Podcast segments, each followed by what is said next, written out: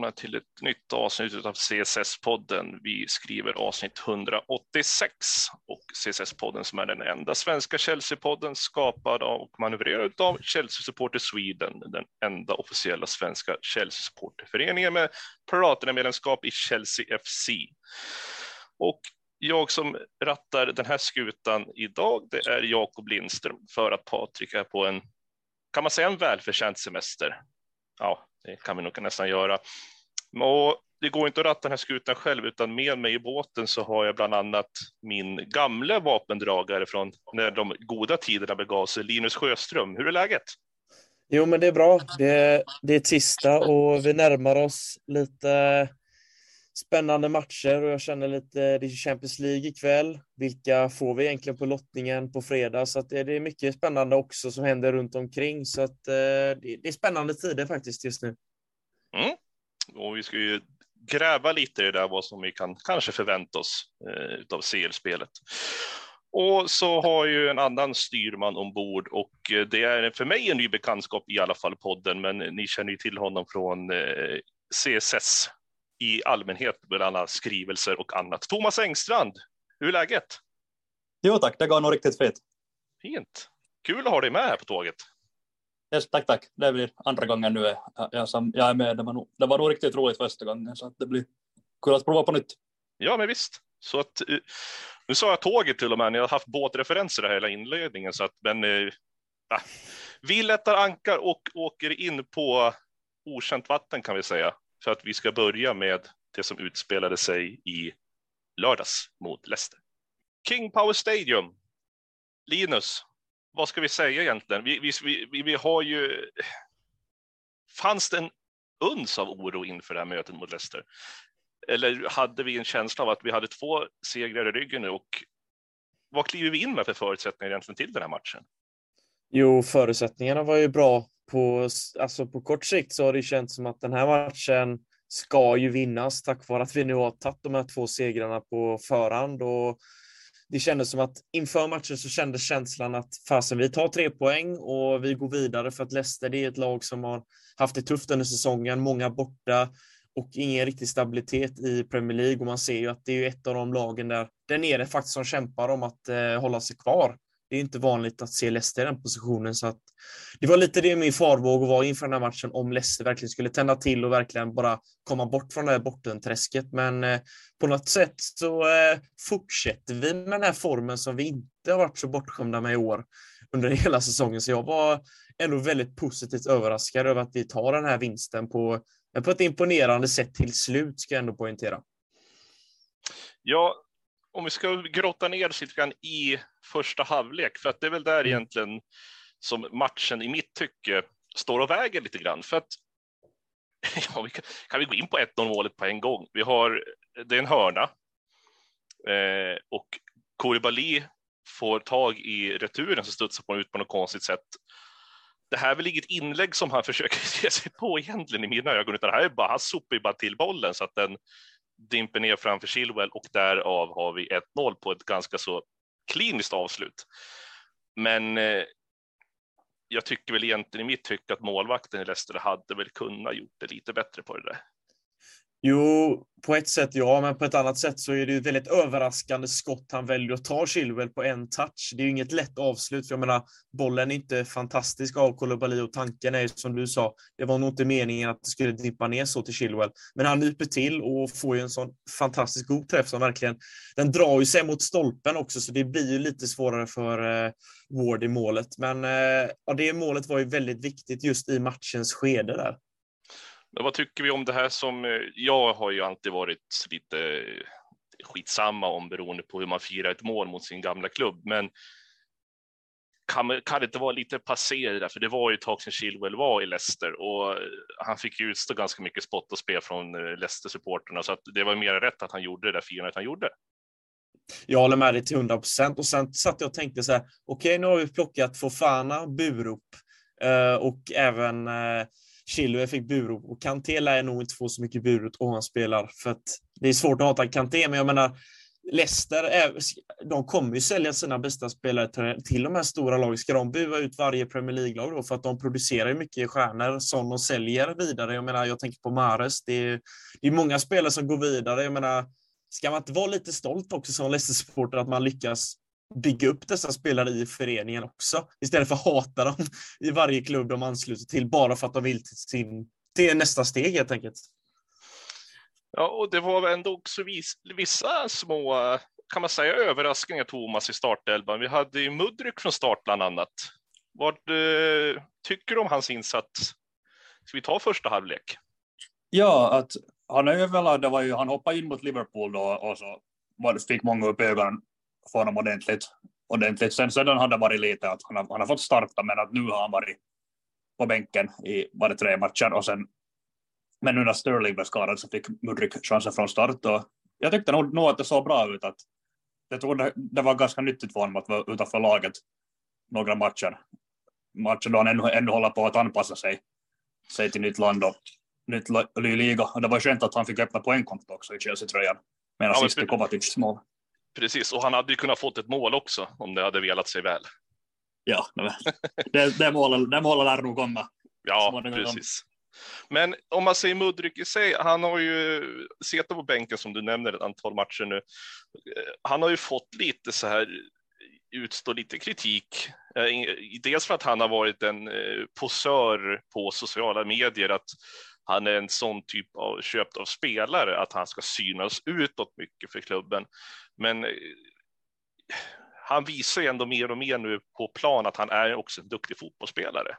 Ja, det kan jag nog det kan jag hålla med, hålla med om, ja, att, att han, hans potential han har nog synts. Att, att Fulham hemma var ju första matchen som han spelade från start. Då, att, men då spelade han endast första halvlek, men att Potter påstod att han var förkyld och att kanske inte borde starta på grund av det. Men ja, men redan West Ham borta nästa match så betydligt piggare och bra löpningar och, och med inga poäng då, sen mot Dortmund i en ganska, ganska blek insats, men att sen igen så det är väl ingen, det är väl ingen lätt arena att göra för 22-åring som endast, gjort, endast tillhört laget några månader att göra storväsen i. Och sen Leicester var ju, Leicester var ju bra, att överlag, överlag så verkar ju Potter tro på honom. Men att han ska bli en ny Eden Hazard är nog väldigt stora skor att fylla, så det blir svårt. Men jag anser nog att han kan ha en viktig roll i laget i framtiden, bara han blir bekvämare i laget och landet och ligan. Precis, och det var just det jag var inne på, du nämnde det ganska så precis där Thomas, med att framtiden, att för det är ju där det är där han räknas in. Han är ju inte tänkt att han ska göra någon större skillnad nu. Eh, det är en fram, framtida investering därav de hög, höga summan han kostar. Kan man säga. Absolut, men att hans eller han, man har sett glimtar av hans stora potential, absolut. Och det, blir, det blir spännande att se om sex, sju månader eller, eller hur, hur det har gått. Mm. Eh, Linus, dina kommentar på Mudryk, har du någonting att tillägga utan som Thomas redan har nämnt här nu? Nej, men ni är inne på det som jag också tänker att eh, det här är en värvning på sikt som ska verkligen bli det här. Men ett, ett av de större namnen i klubbens historia och eh, jag menar, det är, det är inga små pengar, men samtidigt kollar man på marknaden så är det de här priserna man får betala för sina unga talanger. Och eh, kollar man på bland annat highlights från hans eh, tid i Shakhtar så är det ju fantastiska mål och inte bland annat i Champions League där han gjorde många mål på egen hand i gruppspelet tidigare höstas. Så att det är en spelare med mycket boll i sig, men det är inte lätt att komma till en klubb som Chelsea i det här läget när det stormar som mest och komma in och verkligen ta för sig. Det, det är ingen lätt uppgift för en sån ung kille, så att jag har full förståelse och jag hoppas att han eh, successivt kan komma in i Premier League, för det tror jag verkligen han kommer göra. Ja, men vi tar 1-0 målet med oss från Chilwell och nu börjar det bli lite gamla vanliga Chelsea här efter. Så fort vi gjort 1-0 och då blir vi så tillbakatryckta så att vi. Det här har ju varit ett signum egentligen hela säsongen. Mm. Och där har inte vi varken gjort små mål framåt för att vi blir så tillbakatryckta och faller ner. Vi har lyckats släppa in ganska enkla kvitteringsmål och till och med mål som har gjort att vi har förlorat matcher. Vad är det som gör det här Linus? Att vi tappar så pass mycket? Jag menar, vi har ju bra tryck till 1-0 målet och sen bara för Leicester trycker inte på så mycket kan jag tycka. Nej, och lite noteringar jag gjorde kring detta och just frågan om ostabiliteten i laget som sker oftast. Bland annat när vi har 1-0, för en notering jag gjort under hela säsongen som har varit egentligen någonting som har följt med oss från start, är att vi inte kan stänga matcherna. Vi kan trycka på, vi kan skapa lägena, men vi stänger aldrig. Vi har 1-0 Och det är ett sånt läge som motståndaren känner ju alltid att gör vi, får vi ett läge så kan vi vara med i matchen. Och det har varit, jag kan knappt vinnas nästan någon match där vi verkligen har stängt i år. För jag menar, det, mot Leicester, det är ett typiskt exempel på detta. När vi har 1-0, vi sätter inte lägena, det uppkom några lägen under matchen. Och jag menar, bland annat Kahavitz hade ett bra läge också som kunde upp ytterligare ett mål. Jag menar, de här lägena på sikt måste ju sitta för att få lite mer trygghet i de här matcherna. För det, det stod ju och vägde. När Dacca gjorde mål så kände jag att detta kan ju bli som vanligt, som du var inne på Jakob, att man kommer in återigen i de här banorna och spelarna tänker nog också så, fan, nu händer det igen. Och eh, psykologiskt sett så är det inte skönt att ständigt bara kunna gå på 1-0 eh, resultat, för det är ju aldrig ett säkert resultat. Och det är ju därför vi inte heller gjort så mycket mål, för vi har inte lyckats kunna stänga vissa matcher som vi egentligen skulle gjort på förhand, tycker jag. Nej, precis. Just det här när Dacca gör 1-1, då man vet ju hur det är, vi som sitter i eh, den här podden, att våran eh, grupp på Messenger går ju ganska varm i sådana situationer. Eh, och frustrationen märks ju, man är inte, för även fast vi har de här två segrarna i ryggen så är man ju inte betryggad och lugn eftersom att de påvisar sånt här tafatt spel eh, i stundtals. Men vi ska ju också nämna nu att det händer ju någonting med Kai Havertz här kan jag tycka. Han åker på en eh, ordentlig smäll vilket jag begriper för mig inte alls hur det inte kan bli en varcheck och rött kort på den där. Eh, nu tappade jag namnet på honom förresten, bara för den här Leicester-spelaren som stämplade till Havertz i bröstet. Eh, uh, det var ju uh, Amartey. Amartey, ja, våran ja, favorit. Ja, precis. ja, Amartey, han ska ju rensa undan bollen och trycker, han sträcker ju efter det ut benet och trycker till Havertz i bröstet vilket även syns tydligt när Havertz drog upp tröjan hur, eh, hur skadan tog. Och Linus, varför blir det ingen varcheck på det här? Nej, jag, jag, förstår inte det heller och eh, det är frustrerande för man ser ju verkligen på Havertz. Han, har ju, han visar ju upp för domaren också och tar, lyfter på tröjan och ser. Det är ju, det är ju dobbmärken för man ser ju på reprisen att Amartey håller ju kvar benet extra länge för att han vet att Havertz kommer där. Så att han är mycket, känns han var mycket väl medveten om att har jag kvar foten här så kommer Havertz springa rätt in i den. Och det hade han ju fullt rätt i, för det gjorde ju Havertz. Och samma med situationen efter någon minut, bara när Pereira dundrar in eh, på foten. Eh, och nu minns jag inte vem det var han satte eh, dobbarna i, men jag menar det är också en sån situation. Även om det är så tidigt i matchen så tycker jag också det är en sån situation man ändå borde gå in och kolla på för att de spelar otroligt tufft, eh, eh Leicester. Det var ju konstigt att inte han, Faiz, mittbacken, åkte ut tidigare för att han, han levde ju på gränsen från matchminut ett, tycker jag. Så att eh, Leicester är ofta, ja, vi har haft grisiga matcher senast mot dem och återigen så kände man att ta av eh, Fofana nästan för att det, man blev rädd att de skulle skada sig. Så att eh, det, ja, jag tycker det är inte okej okay av VAR, för jag menar, kolla Manchester United, Casemiro fick rött kort nu i helgen mot Southampton efter en farlig ingrepp med foten rätt på. Så att jag, det är jädrigt konstigt gällande konsekvenstänket med VAR, för att det tycker jag inte fungerar alls. Ja, det var just det jag tänkte säga, just att det var ju helt konstigt att vi inte kollade när Pereira stämplade Joao Felix typ efter två minuter, att vi inte kollade. Det skulle kunna ha varit rött kort, absolut. Och sen samma med det där Havertz. Och, sen, och, och sedan, sedan när Felix gjorde mål så, så kunde, kunde bara kolla och vinka bort det, men att de inte kolla de där, de där två andra situationerna var ju helt, helt löjligt. Ja, VAR kommer nog ingen förstå sig på någonsin tror jag hur de eh, tänker och bedömer. Det skulle vara kul att ha haft med en eh, domare i podden någon gång som har eh, jobbat med VAR, men det är ju jättesvårt kanske att få tag på någon Fifa-domare eller någonting. Men, men det hade varit kul i alla fall att höra hur de tycker och tänker och resonerar kring användandet av VAR. Eh, men vi kan, ju inte, vi kan ju påstå att Havertz får en eh, revansch på det där bara någon, eh, någon minuter efter. Och den här smekningen från eh, Fernandes, vi ska gå in på Fernandes lite mer senare, men Linus, den är inte dålig, den här lilla lyftet han gör över backlinjen. Och Havertz själv som inte ens firar målet, utan han var ju mest inställd på att det kanske var offside där, va? Ja, och jag satt i samma sits. Jag tänkte bara, det här är för snyggt för att bli godkänt. Jag satt bara, det här blir också underkänt. Men eh, man blir lite chockad när domaren visade att det var godkänt och ingen offside.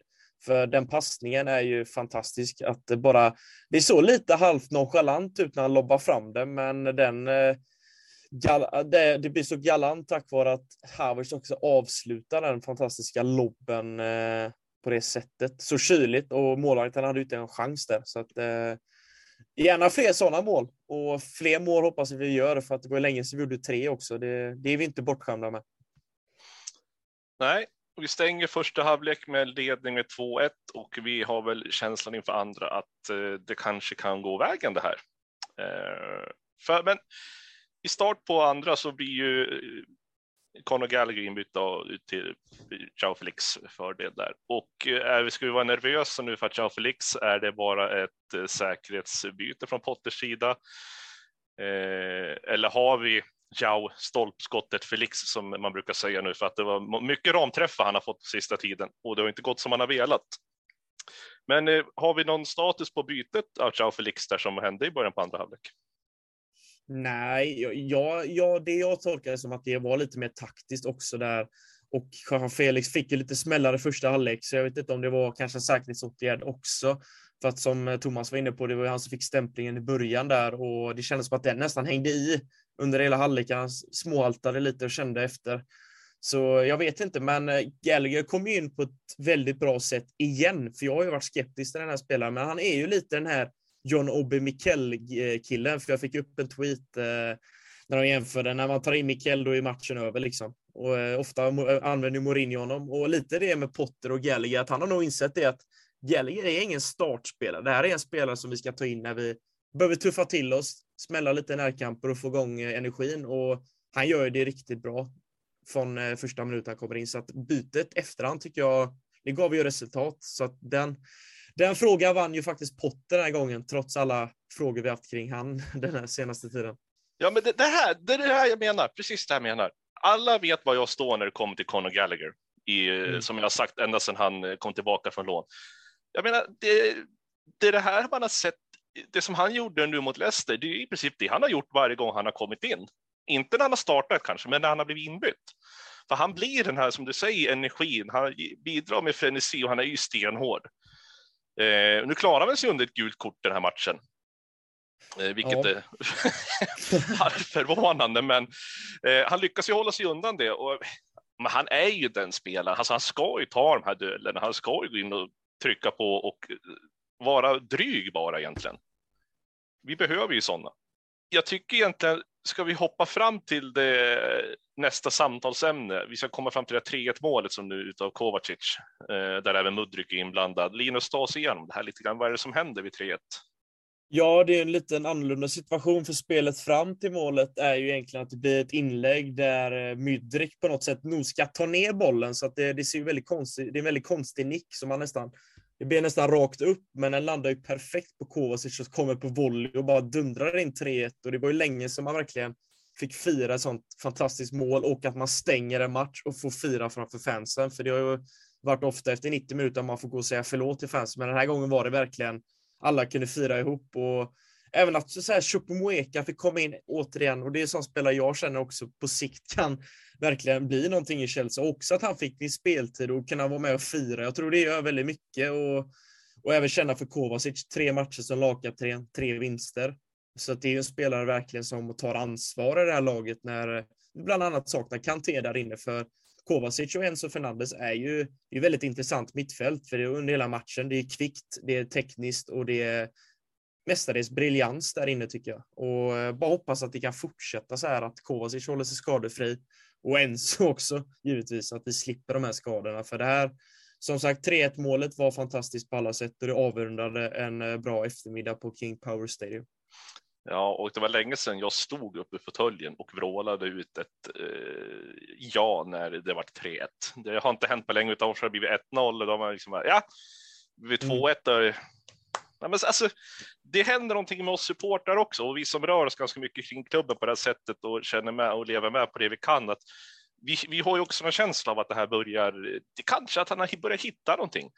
Och det är som du är inne på, det här mittfältet med Fernandes och Kovacic är ju otroligt spännande. Och Thomas Enzo Fernandes, vi har ju det har ju diskuterats eh, hejvilt om hans eh, summa eh, att den var så hög efter ett fantastiskt VM. Jag, ska jag vara helt ärlig så jag hade ingen jättekoll på honom efter hans eh, bravad i Benfica. Men kan vi säga nu på, efter de här insatserna sedan han kom att han börjar bli värd de här pengarna? Det är från start att genast slängas in i hetluften mot Fulham den 3 februari det är ju inte någonting enkelt, men redan så långt att spela 90 minuter i sin debut. Och sedan följande match mot West Ham så blev det ju återigen 90 minuter och en assist. Och sedan han spelat i 90, 90 minuter i samtliga matcher förutom två. Så att jag håller med alltså, han, han har definitivt, definitivt på att spela upp sig mer och mer och komma in i laget och in i landet och, och ligan och sådär. Att sen står han för riktigt fin assist i havet som, mot Leicester senast som jag pratade om. Det var verkligen, verkligen, verkligen snygg. Sen, det, är något, det är en grej med Fernandes jag tycker, att, att han har den där krigarinställningen i sig, likt till exempel Diego Costa, att han vet, vet du, lite vågar gå och tjafsa och reta motståndare. Och att det är tyvärr något som saknas hos många andra spelare, så att det tycker jag är en bra grej med, med Fernandes, att, att, att han, han har den där hårdheten i sig. Det är något som behövs i Premier League. Ja, för tittar man på Fernandes spel ända sedan han kom in, men han har ju visat att han har ju från debuten att han vill ju han vill ju för laget. Han eh, vevar ju på, han eh, styr, ställer, han eh, viftar och han är ju med överallt. och sen är det helt klart, alltså, det är ju så när han kommer till Chelsea, det är ingen som kanske förväntar att han ska in och briljera direkt. Utan Fernandes är ju också tänkt som en längre, en, en lösning för framtiden. Men gör han så här bra nu, som han börjar prestera. Hur, vad kan vi egentligen få ut av honom kanske redan inför nästa säsong? Han kommer ju bli eh, dunder på vårt mittfält. Ju.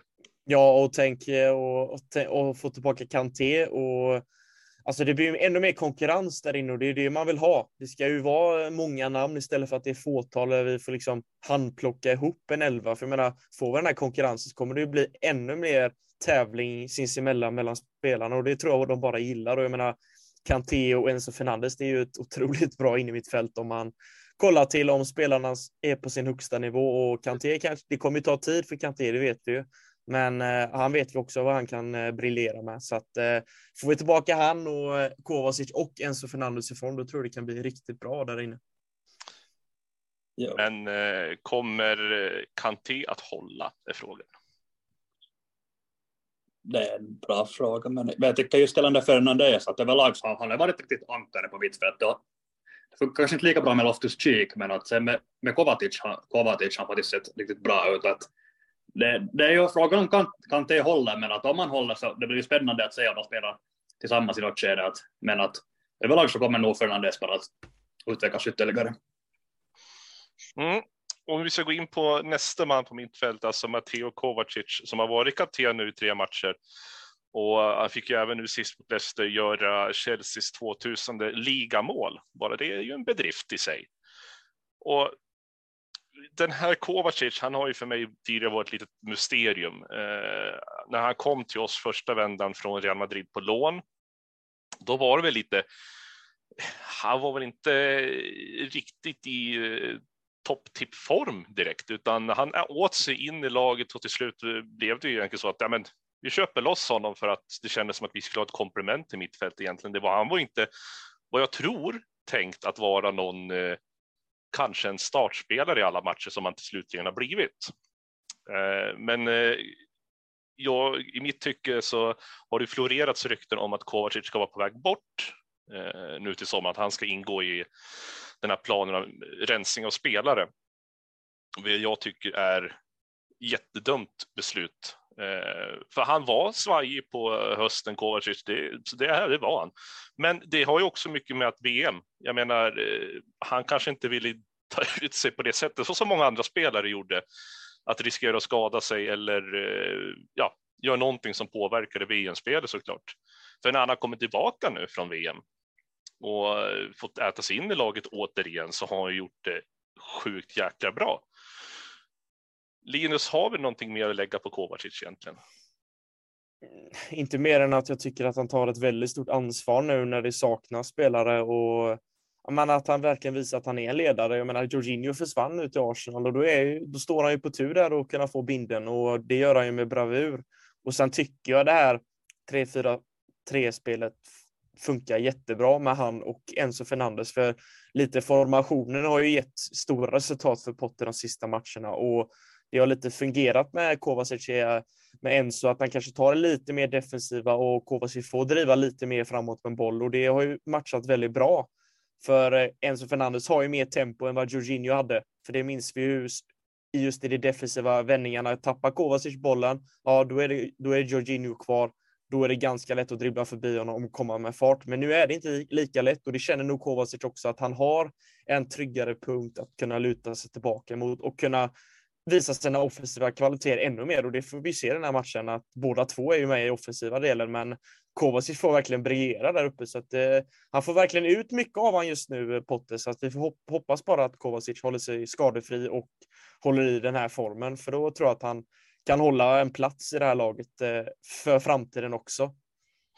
Ja, och för det, jag menar det som du är inne på det här med att eh, Kovacic kan driva upp och Fernandes stanna kvar det som att de gör, de kompletterar ju varandra på ett bra sätt. För ena stunden kan ju Fernandes också kliva upp eh, och då stannar Kovacic kvar, för Kovacic har också ett bra tempo eh, och är jäkligt bra på att bryta. Mm. Eh, så att det, men det, här, det här kan bli väldigt intressant också, som du, vi har sagt varit inne på, när Kanté är tillbaka. Att hur ska, mm. hur ska, kommer mittfältet se ut? Eh, kommer vi ha en Kanté och Fernandes och en Kovacic framför? Eller kommer vi ha ett rakt eh, treman, tremanna mittfältare med Kovacic, Kanté och eh, Fernandes? Det, ja, det återstår att se helt enkelt. Ska vi stänga igen säcken med Leicester-matchen? Ja, men jag tycker vi har fått ihop det mesta och fått fram och diskuterat kring hur eh, vi tog oss an den här matchen. Och det gjorde vi på ett bra sätt. Mm. Då skriver vi alltså 3-1 till Chelsea och eh, vi kliver in på någonting som kanske är lite halvt intressant för många att höra. Vi har ju ändå gjort ett nyförvärv från jamaicanska Phoenix Allstars, en Dujuan Richards. Thomas, det här spås ju bli en eh, framtida stjärna så som många andra unga spelare som köps in hejvilt. Vad vet vi om den här Dujuan Richards egentligen? Det var nog ett väldigt okänt namn, men att jag också sett de här nyheterna om honom. Men att han är, är ändå 17 år gammal, men redan gjort 31 mål och 19 assist för Phoenix Allstars förra säsongen. Och han, han är även uttagen till Jamaicas A-landslag som ska möta Trinidad och Tobago. Och så det blir, blir nog att följa med efteråt och se om han fick speltid och hur det gick. Och att han verkar själv också vara nöjd att få ansluta till Chelsea och, och anser att det är en drömflytt. För att han, har, han har tidigare, tidigare provspelat för Newcastle, Newcastle också, men att, men, men att valde Chelsea. Så det, det, verkar, det, det är bra också att, att, att, att han själv tycker om klubben. Ja, eller kan det också det var ju sagt en dragkamp med Newcastle där om när John Richards. Jag har någonstans en lite sån här eh, oroväckande känsla av att den här spelaren kan komma att bli en sån här eh, Lukas Pesson eller någon sån där som kommer harva i eh, akademilaget, få någon chans då och då, men inte komma till sin rätt. För att vi har ju inte lyckats så många gånger när vi har köpt in de här yngre spelarna, eh, vad jag kan komma ihåg i alla fall. Det, var ju, det är egentligen våra egna akademispelare som Reece James, Mason Mount, där har vi givetvis lyckats. Eh, men i de här yngre värvningarna vi gör, 17-18 år, det är inte så jättemånga som kommer fram. Är det, kan, kan det finnas någonting som säger att den här Richards från Jamaica är en i mängden eller kan han eh, sticka ut? Det är en väldigt bra fråga. väldigt svårt att fråga också. Men att jag tror han skulle må bra av en utlåning just till något lag, till något lag ett par säsonger och, och sedan se hur det går där. För att sedan få chansen i Chelsea. Ja, och jag tänkte på ett namn när jag just pratade om det här, Jakob, spelare som inte har lyckats. Den här mittbacken, den unge nya Van Dijk som vi värvade in, holländaren Xavier Mombo Jamba eller vad han hette. Jag hade fel, sa nog uttalade nog fel, förlåt för uttalet, men får kolla upp det efteråt. Men han, han gick ju, han gick ju till Edrevisi nu, till ett eh, bottenlag där, så jag menar det, det, är många, det är många namn som kommer till klubben som spås som en stor framtid. Jag menar, vi har varit inne på det. Josh McEachran var ett sånt namn eh, som var med när jag var lite yngre, att fan, han kan bli någonting, men vad hände med han? Ingenting. Han blev ju verkligen inget mittfältsnamn som vi trodde. Jag menar, det är många sådana namn. Mosunda, problem med skador, tyvärr. Men jag menar, det, det finns x antal spelare som har gått i akademin, aldrig nått den nivån som man trodde de skulle göra. Sedan ska vi inte glömma Marco Marin, den tyska Messi. Han gjorde väl nog ett par mål, men att det blev nog aldrig någonting av den spelaren jag hade faktiskt honom också i åtanke och även vi hade vi Michael Mancien och vi hade, alltså det fanns ju några sådana som spåddes ha en riktigt ordentlig lysande framtid, men det hände inte så mycket mer, tyvärr. Ja, men nog om eh, ynglingar som inte har lyckats i klubben. Det kan vi nog ägna ett helt avsnitt åt att eh, rada upp eh, alla som har försökt. Men vi kan ju gå in på det här nu med uh, unga spelare och uh, homegrown etc. etc. Vi befinner oss i en situation där uh, det skrivs mycket nu i medierna om Mason Mount. Hans situation med förnyelse av kontraktet har ju väckt känslor hos supportrar. Dels för att han anses vara, ska man säga det på engelska ordet, greedy. Att han inte har hjärta för klubben. Men Linus, kan man tycka egentligen att det är så? För att det har man ju sett så har man ju ändå vetat att Mason Mount har varit ganska så om i den nivån mätt underbetald kontra andra spelare och han har kanske inte riktigt fått det här lönelyftet som han har förtjänat av tidigare. Nu har ju inte rosat marknaden på ett bra tag, men skulle Mount vara ett tapp såklart för hjärtats skull och för att det är vår nya spelare, men skulle det vara ett tapp för laget? Skulle vi verkligen sakna honom så pass mycket om vi förlorade honom? Ja, men det tror jag. Alltså, vi vet ju hans högsta nivå. Då är han ju med och kan avgöra Champions League semifinaler bland annat och verkligen vara på topp toppnivå i Europa. Men samtidigt så är det ju lite olägligt i de här diskussionerna kring hans kontrakt att han inte godkänner att det är för låg nivå när det går så knackigt för honom personligen, för det har inte varit en bra säsong. Det hade nog varit lättare om den här diskussionen dök upp i Twitter-sammanhang, bland annat om han öst in mål, både assist och mål och kommit på löpande band. Att då hade nog de flesta tänkt, det är klart han ska ha ett nytt kontrakt, höj lönen för fasen, du ser hur bra han är. Men just nu har han haft det tyngre och så kommer den här frågan då att han ska neka. Jag tror att folk ser lite det på det sättet att eh, det här är att han är kanske är lite noschig och inte bryr sig. Men jag tror att det här är en kille, han bryr sig så mycket om Chelsea. Men samtidigt också vill han ha en rättvis lön och det köper jag också att kollar man på de andra spelarna i truppen så finns det betydligt många fler som har högre lön än honom. Så jag, jag förstår hans situation, men eh, i, när det väl läcker ut i pressen så ser det ser lite dumt ut hur, är läget, hur han har presterat själv under säsongen. Det, han köper sig inte så många fans av att det här dyker upp i samband med den här säsongen. Thomas, kan det här vara ett sätt för Mount kanske att eh, bevisa att han kräver en högre lön genom att eh, neka kontraktsförslag och kanske få in eh, några bud på bordet från andra klubbar som visar att kolla så här ser det ut för andra klubbar, det här vill de betala för mig tycker inte ni jag är värd det här så eh, flyttar jag. Kan det vara ett spel i det också att han vill få ut en högre lön? Jag hoppas ju såklart att han stannar för att man vill ju inte att det ska gå som till exempel med De Bruyne och, och Salah och nu Nessel Tammy Abraham, att, att de går till nya klubbar och gör succé där. Att, att, som Linus också nämnde, han, man, man har sett att, att han har enorm potential potential som, som inte kanske har varit den här säsongen den bästa, men att jag hoppas ju att, att de kommer överens om ny, nytt kontrakt och att han blir kvar i klubben. Mm, det är viktigt att vi strävar efter att ha kvar honom givetvis, men vi är snart bara vanliga dödliga supportrar och vi bestämmer ju inte i slutändan, tyvärr. Undrar hur fan hade det sett ut om supportrarna får bestämma hur klubben skulle få se ut. Jag tror det hade varit katastrof på ett sätt. Eh, innan vi kliver in på det som komma skall så har vi också uh, nyheten av att målvaktssidan kan bli lite spännande nu också. För att Mendy är ju tillbaka i träning. Och det här, Thomas, kan ju bli väldigt intressant, för Kepa har ju gjort, uh, han har inte gjort bort sig direkt, ja, jo, men, men alltså, i det stora hela har han ju ändå gjort väldigt bra. Han har ju varit en annan målvakt än vad vi har sett av honom förut. Ja, det kan jag hålla med om. Att, att Kepa är definitivt inte som han var 20, 20, 20 21, att, att, vet du, att, att, att inget fungerar. Men att nu, nu den här säsongen tycker jag Potter har nog visat att, att, att det, det är Kepa som han vill, som är hans första målvakt, målvakt att han har stått, stått alla matcher under, mer eller mindre alla under hösten, förutom mot Brighton borta då han blev, han blev utbytt och då, på grund av skada, då, då, då hoppade Mendy in. Men sedan igen så ska vi inte glömma, glömma hur, hur otroligt bra Mendy har varit också tidigare i klubben, så det blir, det blir, blir nog spännande att se om, om, om Mendy får några minuter. Eller, eller, om, eller, om, eller, eller helt hur det går. Det blir. Det är väldigt svårt att säga, men att jag, jag personligen själv gillar Mendy väldigt mycket, så att det skulle nog vara roligt att, få, att se honom få chansen.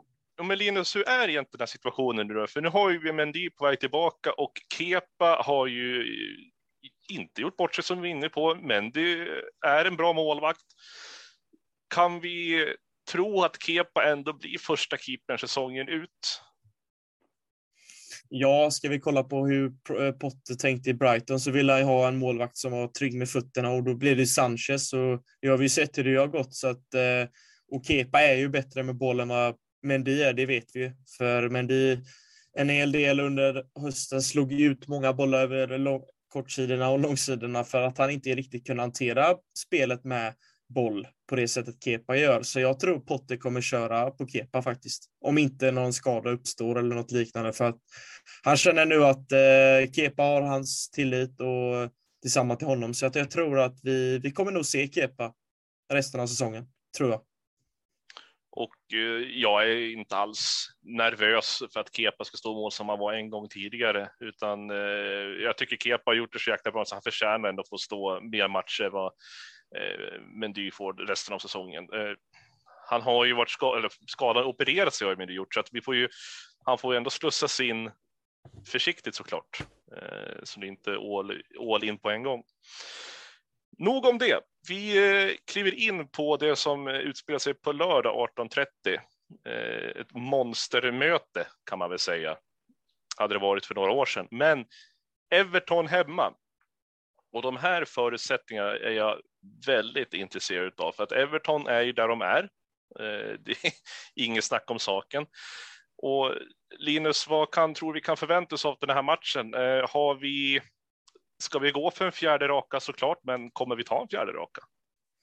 Ja, men det hoppas jag ju, för förutsättningarna har inte varit så här bra på jättelänge under hela säsongen egentligen, för vi har vunnit tre matcher i rad och det har vi inte haft tidigare och det självförtroendet jag ändå tycker vi visar upp under Leicester-matchen, det har man inte heller sett tidigare och kollar man på förutsättningarna så är ju ett Everton när man har bytt tränare, man kickade Lampard och tog in Sean Dice.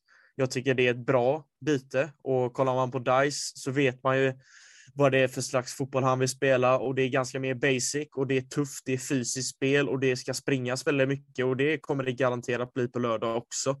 Och eh, han har ju gått tillbaka lite till sina Burnley-rötter, vilket jag också tycker är roligt att man, man spelar Tarkovski som han hade i Burnley och McNeil har fått återigen förtroende i Everton-tröjan och gör det bra på kanten. Så att det här inläggsspelet är ju, och fasta situationer kommer bli tufft och det måste vi verkligen se upp för. Det är lite där jag tänker in med Kepas längd också.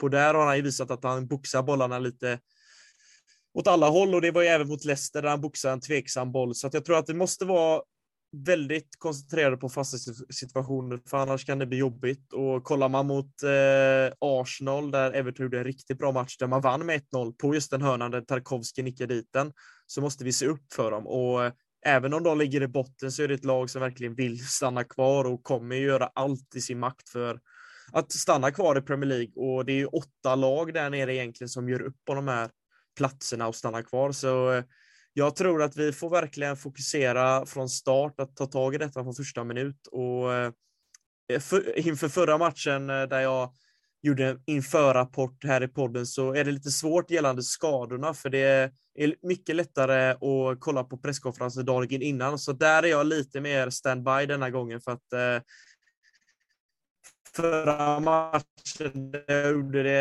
eh, då var det inför eh, Southampton om jag inte missminner mig, eller vilken match det var. Och då var det flera spelare som var med ändå. Så att, eh, ja, nej, Leeds var det. Leeds var det. Så att jag, där är jag lite försiktig. Så att jag, jag, jag lämnar över till dig igen, Jakob, gällande förinsättningarna där.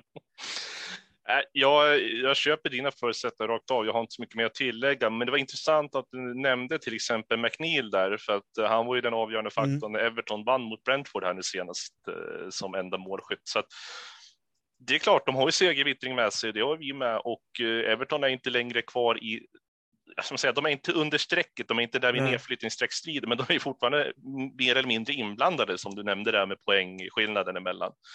Så att, men ja, de har ju segervittring och vi har segervittring, så det här kan bli en eh, spännande match, eh, tycker jag, tror jag. Ja, och kollar man på liksom matcher mellan klubbarna genom historien så är det 67 vinster för Chelsea, 55 för eh, Everton och 55 lika, så det är inte så stor marginal ändå. Och eh, kollar man på Evertons trupp så är det en bra trupp. De har många duktiga spelare. Jag tycker Pickford eh, ska, ska nämnas i det sammanhanget, trots att han också står för en del fadäser i målet. och Nana inne i mittfältaren, jätteskicklig, duktig, kommer också vara en spelare som är viktig för Everton nu för att hålla sig kvar. Och eh, jag tror också stommen är bak då, men just eh, Cody bland annat, eh, Tarkovsky, de här tunga brittiska mittbackarna som verkligen Sean Dice älskar att spela. Jag tror de också är en viktig faktor för att de ska lösa detta, för att det räcker med två, tre förluster så ligger man rejält under strecket, så att de vill ju plocka alla poäng de kan nu. Thomas, har du någonting att tillägga på Linus utlägg om förutsättningarna inför lördag? Eh, jag tror nog det mesta kom fram där ganska bra som, som jag också hade funderat absolut ingen lätt match, men att det ska vara viktigt att fortsätta på vinnarspåret och, och, och ta, ta de här poängen bra, bra att det är hemma också. Jag eh, tycker och tänker och känner så här att eh, vi har ju fått med egentligen att vi vill få med eh, det här avsnittet. Och jag är, vad ska man säga, jag har inte gjort det här så mycket som jag gjorde en gång förut, så att eh, det blir lite halvknackigt ibland. Man har inte de här rutinerna, utan man eh, får jobba sig in i det här på nytt, eh, det här med poddandet. Men det är tur att jag har er två här i alla fall som blir, eh, blir det stöttning i alltihopa. För hade jag sett det själv nu så hade det inte blivit bra. ja, det var, det var också bara min andra gång. Jag var också ganska nervös nu, men nu tyckte jag väl det gick bra. Ja, för tusan. Det låter som du har gjort det här flera gånger, Thomas. Det kan jag ju lova vi gör, vi gör så här. Jag eh, tycker att vi knyter ihop säcken för den här gången. Och så slänger vi inte den överbord från den här berömda båten vi sitter på nu, utan vi tar med oss säcken och åker vidare till lördagen helt enkelt. Och givetvis är det ju så här att eh, vi har ju våra sociala medier. Eftersom att det är supporterföreningen Chelsea Supporter Sweden som står bakom den här podden så man behöver inte vara medlem, eh, vilket jag egentligen tycker att man man skulle kunna bli för att det är ganska trevliga saker man får tillbaka genom att vara medlem i CSS, bland annat medlemsgåva, medlemstidning och eh, även en inbjudan på medlemsresan som jag inte ska med på i år dessvärre. Men det ska nog en massa andra. Linus och Thomas, ska ni med? Jag ska inte med i år, men jag satsar på nästa år. Jag ska med, ja. Förra året blev det inställt och sen har det varit corona så att det blir nog att jag inte varit i London sedan 2011 och då var jag inte på match, så det blir också första gången jag får på Chelseas match på plats. Mm. Så jag ser nog fram emot det. Ja, det blir kul. Jag tänkte jag skulle försöka planera in nästa år jag också, så då kanske vi tre får kampera ihop då istället. Men men. Eh, som sagt, det är ju någonting man får ta del av om man är medlem i Chelsea Sport Sweden. Och, men för att lyssna på podden så sagt, det krävs det ju inte, utan bara att man lyssnar så stöttar man oss på det sättet. Eh, vi kan även följa på sociala medier och Instagram till exempel, där vi heter eh, Chelsea Sweden understreck official. Och på Twitter så heter vi at Chelsea Swe, alltså Chelsea SWE. Så där kan du gå in och följa oss om ni inte redan gör det. Och jag har inte skaffat Twitter än. Jag gjorde en kort session där. Eh, så att Linus, du får ta igenom det här. Vad heter alla på Twitter? Jag lämnar över till dig lite hostroll nu.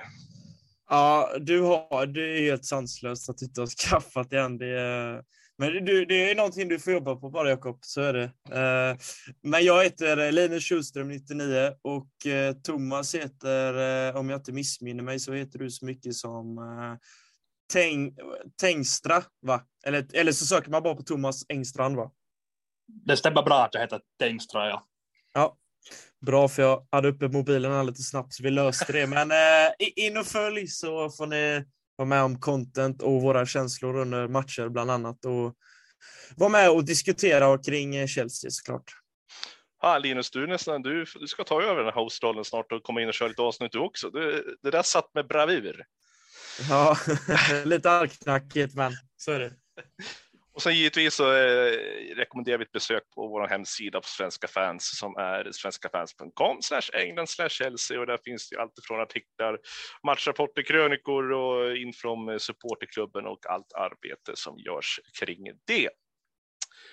Och givetvis har vår eminenta Facebookgrupp eh, CSS-podden på Facebook alltså, som eh, jag tycker man ska gå in och kika om man inte redan är med där, för att eh, det är ganska roliga diskussioner som kommer upp där ibland i och med matcher bland annat där Donny alltid brukar lägga ut eh, startelvan och där under startelvan så följs eh, ja, matchen igenom i kommentarsfält från olika supportrar har inte så mycket mer att tillägga från det här än att eh, hoppas att eh, den nya styrande Patrik blir någorlunda nöjd i alla fall över att det kommer ut ett avsnitt och att han kan ligga där och gassa i solen. Han skickar en bild till mig på Instagram eller på Messenger här när han ligger i någon solstol så att man blir inte alls avundsjuk. Och Linus, stort tack för att du var med och det var kul att sitta och surra ihop igen så här. Det får vi göra om.